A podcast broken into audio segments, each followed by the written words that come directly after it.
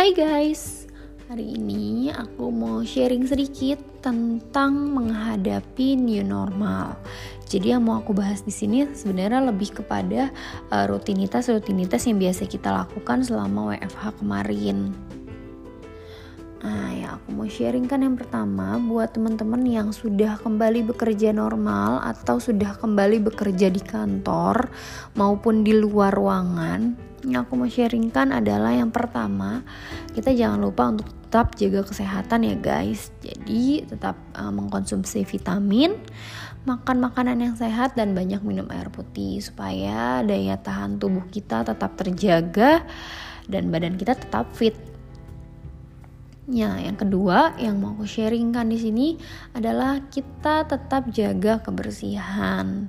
Jadi di mana pun kita berada, sebisa mungkin kita tetap sering-sering cuci tangan dan pakai hand sanitizer guys supaya kita tetap bersih.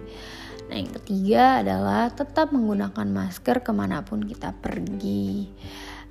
Dan jangan lupa untuk tetap jaga jarak ya guys. Nah, segitu aja yang mau aku sharingkan. Semoga bisa mengingatkan kalian di mana pun kalian berada. Oke, okay? thank you.